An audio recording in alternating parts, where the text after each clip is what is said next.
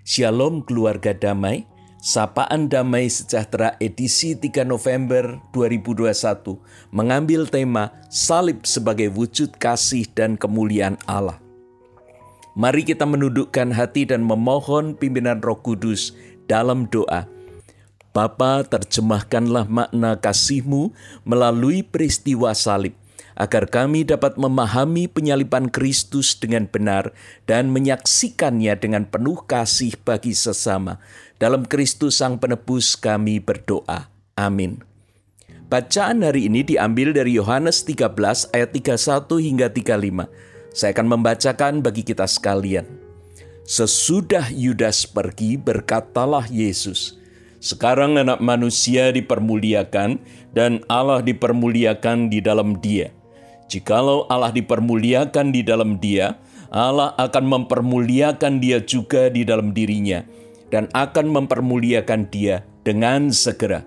Hai anak-anakku, hanya seketika saja lagi aku ada bersama kamu. Kamu akan mencari aku dan seperti yang telah kukatakan kepada orang-orang Yahudi, ke tempat aku pergi, tidak mungkin kamu datang. Demikian pula aku mengatakannya sekarang juga kepada kamu Aku memberikan perintah baru kepada kamu, yaitu supaya kamu saling mengasihi.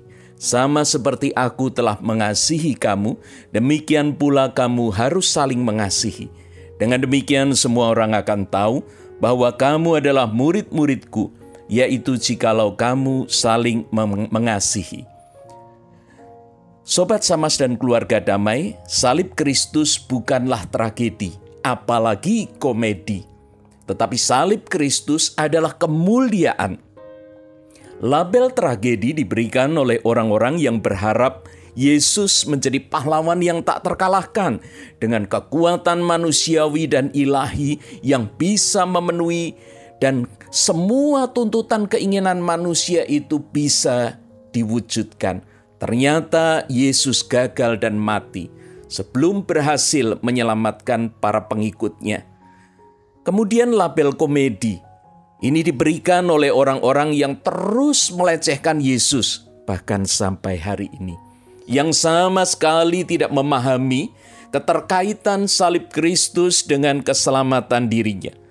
Suatu hari nanti mereka akan menikmati kebinasaan dalam tangis abadi atas semua pelecehan dan penghujatan Roh Kudus yang mereka ucapkan di dalam hidup mereka sekarang ini, ketika mereka terus menolak akan keselamatan yang ditawarkan Kristus. Keluarga damai dan sobat samas, pemunculan kata kerja doksaso yang diterjemahkan dipermuliakan atau memuliakan sebanyak lima kali dari ayat 31 hingga 32. Ini menunjukkan bahwa salib Kristus adalah kemuliaan. Frase sesudah Yudas pergi di awal bacaan kita ini menandai awal pemuliaan Kristus.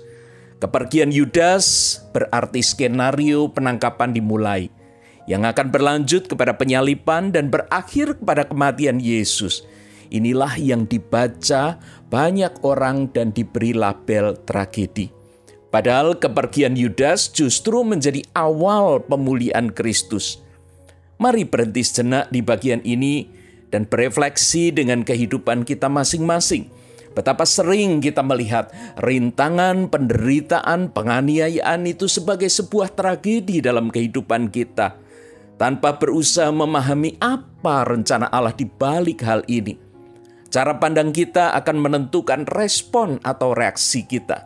Selama kita melihat tekanan bagi iman kita sebagai tragedi, maka fokus kita adalah tuntutan keadilan, terbalasnya penderitaan kepada si pelaku. Waktu yang dimiliki Yesus terlalu singkat untuk memperjuangkan haknya yang dirampas, menuntut pembelaan, hingga menikmati hidup yang nyaman dan tentram. Yesus tidak dikirim ke dunia untuk semua kenikmatan itu. Yesus diutus untuk menebus manusia. Karenanya harus segera menyelesaikan tugasnya dan pulang kepada Bapa. Dan pemuliaan yang dimaksud bukan menunjuk kepada selebrasi kepuasan diri, namun pada tuntasnya tugas, terpenuhinya target, yaitu penebusan manusia. Penyalipan Kristus membuat manusia diperdamaikan dengan Allah. Manusia mengalami penebusan dan menerima pengampunan. Keberhasilan karya penebusan ini membuat Kristus dipermuliakan. Bahkan kebangkitan Kristus membuat kuasa maut dikalahkan sehingga kita menerima kebangkitan dan kehidupan kekal. Selanjutnya dalam ayat 34 hingga 35, Yesus memberikan sebuah perintah baru, yaitu saling mengasihi. Ada dua aspek penting dalam perintah ini. Yang pertama, para murid dituntut untuk mengasihi seperti Yesus mengasihi mereka. Mengasihi seperti yang Yesus lakukan itu seperti apa? Mengasihi ini berarti menunjukkan kesetiaan. Dalam pasal 13 ayat 1b, sama seperti ia senantiasa mengasihi murid-muridnya, Demikian sekarang ia mengasihi mereka sampai kepada kesudahannya. Kasih ini juga melibatkan sikap rendah hati dan mau melayani. Di pasal 13 ayat 5 Tuhan Yesus membasuh semua kaki murid-muridnya. Kemudian kasih ini juga siap menerima kegagalan orang lain.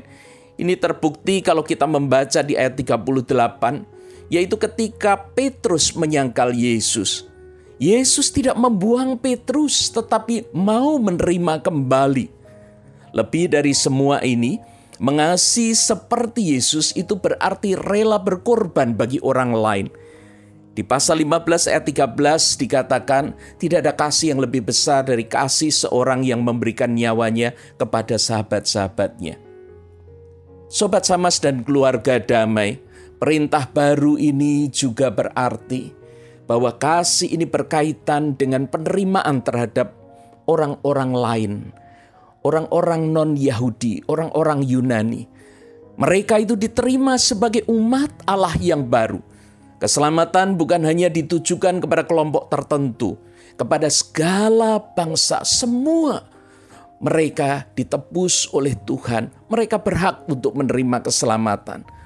Perintah untuk saling mengasihi ini dimulai dari murid-murid Kristus yang mengalami kasih secara langsung. Mereka kemudian menerjemahkan ini kepada orang-orang di luar komunitas dengan konsep kasih Kristus yang agung dan mulia.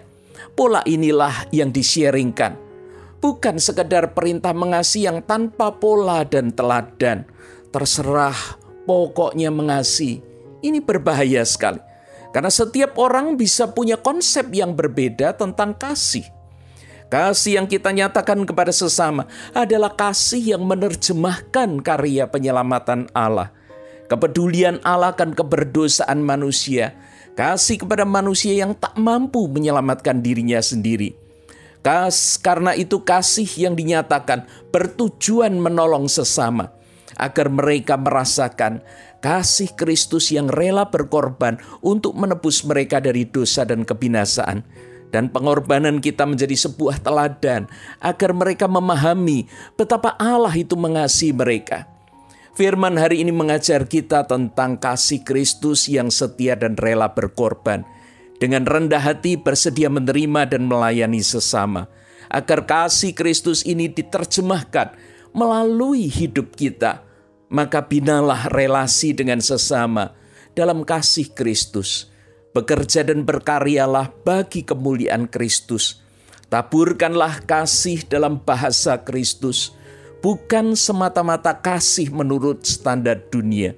Fokuskan hidup Anda pada pengutusan Kristus, maka waktu Anda tidak akan habis oleh kemarahan dan kebencian yang tidak perlu. Sebaliknya, dipenuhi kasih Kristus yang damai dan menyelamatkan. Mari kita memohon hikmat Tuhan dalam doa. Bapa kami bersyukur atas penebusan Kristus dan kasih yang kami terima di sepanjang hidup kami. Tolonglah kami untuk membagikannya kepada sesama, agar semua orang bisa mengalami kasih agung yang menebus dan membasuh. Dalam Kristus Sang Penebus kami berdoa. Amin. Keluarga damai dan sobat samas selamat menyaksikan salib Kristus dengan bahasa kasih yang nyata kepada sesama di tiap kata dan karya agar sesama menerima dan percaya kasih Allah yang mulia. Tuhan memberkati.